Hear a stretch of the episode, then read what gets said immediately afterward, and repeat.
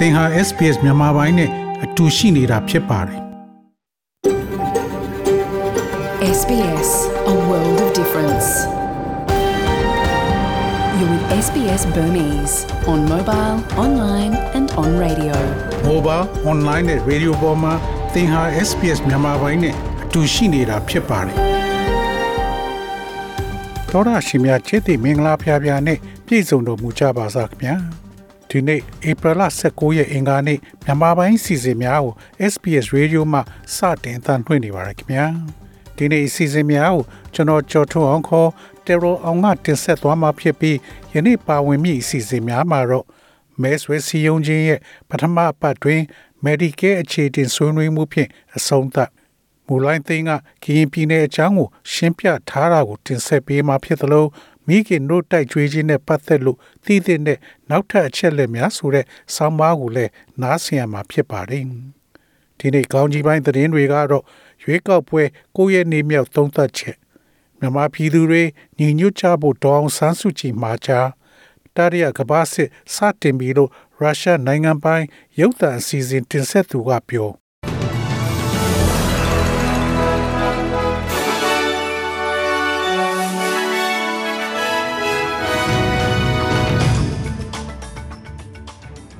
ယခုချိန်ကစပြီးသတင်းများကိုကျွန်တော်ကြော်ထုတ်အောင်ကစတင်ဖတ်ကြားပါတော့မယ်။ရွေးကောက်ပွဲကိုရက်နေ့မြောက်သုံးသပ်ချက် Scott Morrison နဲ့ Anthony Albanese တို့သည် Federal ရွေးကောက်ပွဲမဲဆွယ်မှုစတင်သည့်ကိုရက်မြောက်နေ့ယနေ့အင်္ဂါနေ့တွင် နိုင်ငံရဲ့စန့်ကျင်ဘက်အချမ်းတွင်မဲကပ်လို့အနိုင်ရရှိသောမဲနေမည်များတွင်ဆက်လက်မဲဆွယ်နေကြပါသည်။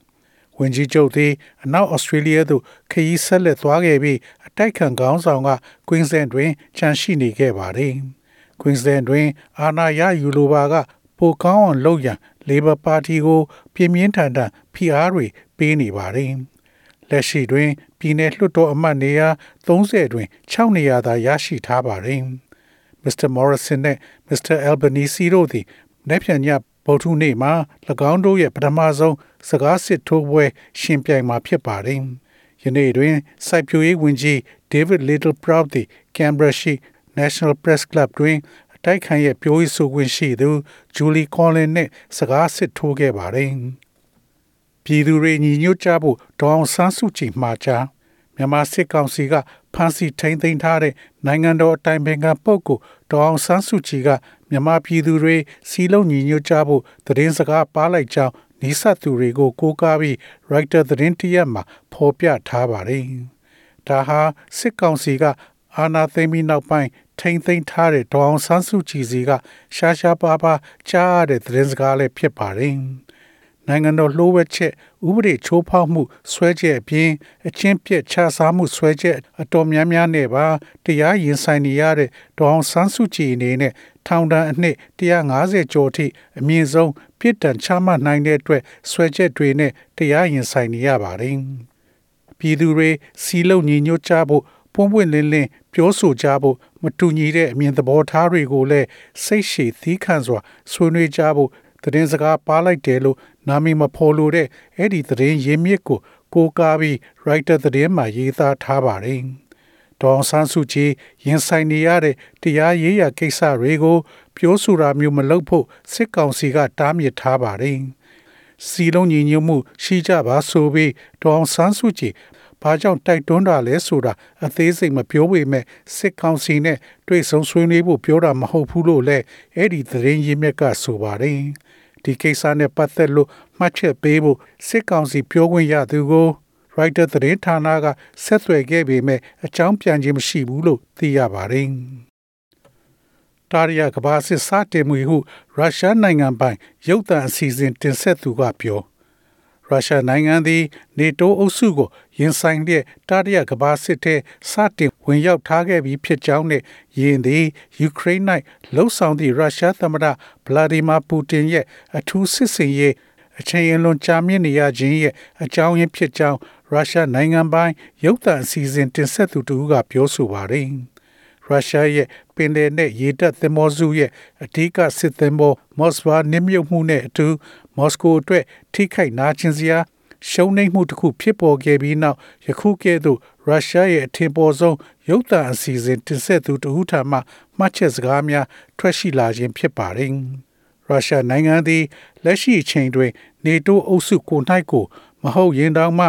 နေတိုးအုပ်စုအခြေခံအဆောက်အုံကို တိုက်ခိုက်နေခဲ့ပြီဆိုသည်ကို လက်ခံကြရန်ရော်စီယာအိုင်ရုပ်သံအစီအစဉ်တင်ဆက်သူအိုင်ဂါစကာဘေယီဘာကကြီးစုသူများကိုပြောပါတယ်။ဒါဟာတတိယကဘာစစ်ကိုရောက်ရှိနေခဲ့ပြီဆိုတာကိုတစုံတစ်ယောက်ကစိတ်ချလက်ချပြောနိုင်တယ်။ဒါကလုံးဝသေချာပါတယ်လို့ရုပ်သံအစီအစဉ်တင်ဆက်သူကပြောဆိုပါတယ်။အခုမှကျမတို့ဟာနေတူးအုပ်စုကိုနိုင်မဟုတ်ရင်တောင် နေတိုးအခြေခံအဆောက်အုံကိုတေချာပေါက်တိုက်ခိုက်နေတာပါ။ကျမတို့ဒါကိုလက်ခံထားဖို့လိုပါတယ်အရှိ610ပေရှိတဲ့မော့စဝါစစ်သဘောကိုပြီးခဲ့တဲ့ကြာသာပတေးနေ့ကစိတ်ကမ်းသို့ဆွဲယူခဲ့စဉ်နင်းမြုပ်သွားတာဟုရုရှားကာဝေးရေးဝန်ကြီးဌာနကပြောဆိုပါတယ်။သင်္ဘောပေါ်၌ မီးလောင်မှုဖြစ်ပြီးလက်နက်ခဲယမ်းပောက်ကွဲမှုဖြစ်ခဲ့ကြောင်းရုရှားကာဝေးရေးဝန်ကြီးဌာန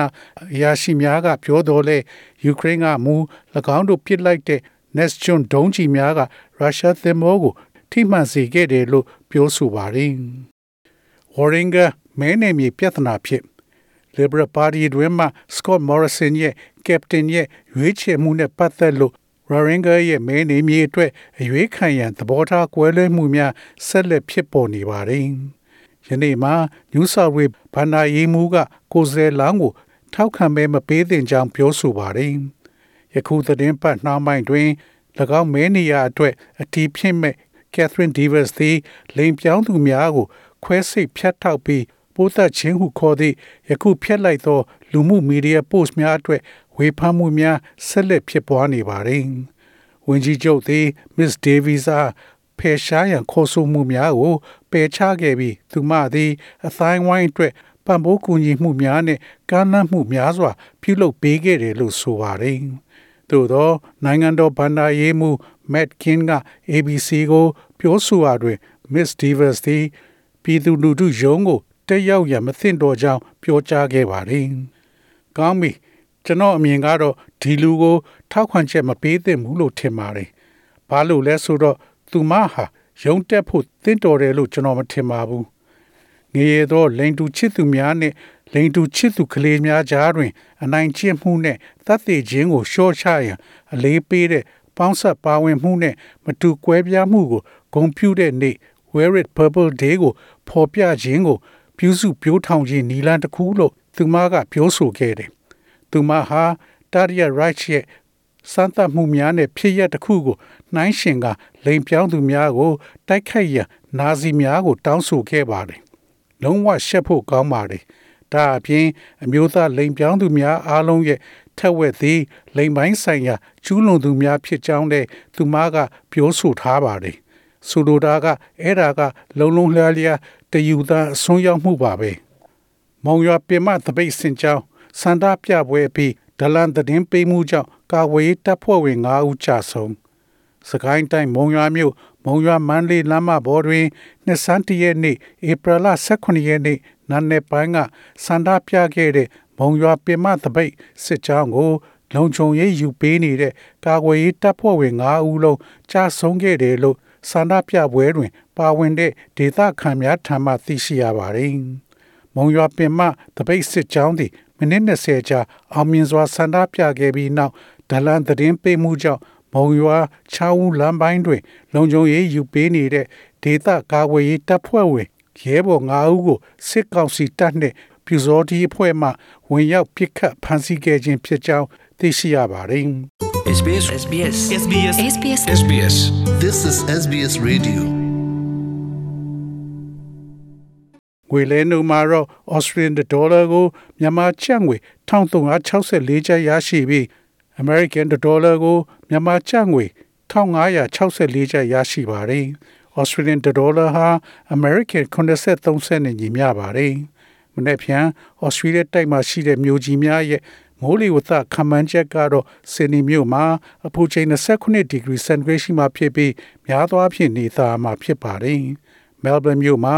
အပူချိန်16ဒီဂရီစင်တီဂရိတ်ရှိမှဖြစ်ပြီးမိုးရွာသွန်းမှဖြစ်ပါတယ်။ Brisbane မြို့မှာအပူချိန်28ဒီဂရီစင်တီဂရိတ်ရှိမှဖြစ်ပြီးများသောအားဖြင့်နေသားမှာဖြစ်ပါတယ်။ Perth မြို့မှာအပူချိန်26 degree centigrade ရှိမှဖြစ်ပြီးများသောအားဖြင့်နေသားမှာဖြစ်ပါတယ်။ Adelaide မြို့မှာအပူချိန်20 degree centigrade ရှိမှဖြစ်ပြီးမိုးတိမ်သားများအနည်းငယ်ရှိမှဖြစ်ပါတယ်။ Hobart မြို့မှာအပူချိန်18 degree centigrade ရှိမှဖြစ်ပြီးမိုးရွာသွန်းနိုင်ပါတယ်။ Canberra မြို့မှာအပူချိန်21 degree centigrade ရှိမှဖြစ်ပြီးမိုးရွာသွန်းမှုတိုးမြင့်လာမှာဖြစ်ပါတယ်။ ဒါဝင်မြို့မှာအပူချိန်35 degree centigrade ရှိမှဖြစ်ပြီးမိုးရွာသွန်းနိုင်ပါတယ်။ဤတွင်သတင်းများကိုကြီးညာလို့ပြီးပါပြီခင်ဗျာ။